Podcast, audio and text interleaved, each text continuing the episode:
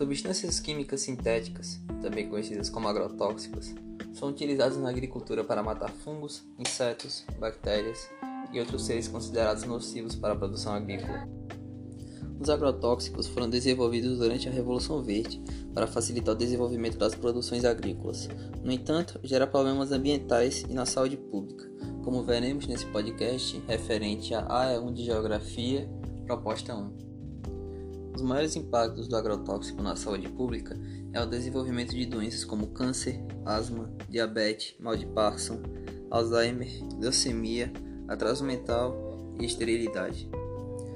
Os mais afetados pelo uso exagerado de agrotóxicos são obviamente os trabalhadores rurais, mas você também está sendo afetado indiretamente, seja pelo consumo de frutas e vegetais, mas também pelo consumo da água, que em certos casos também está contaminada.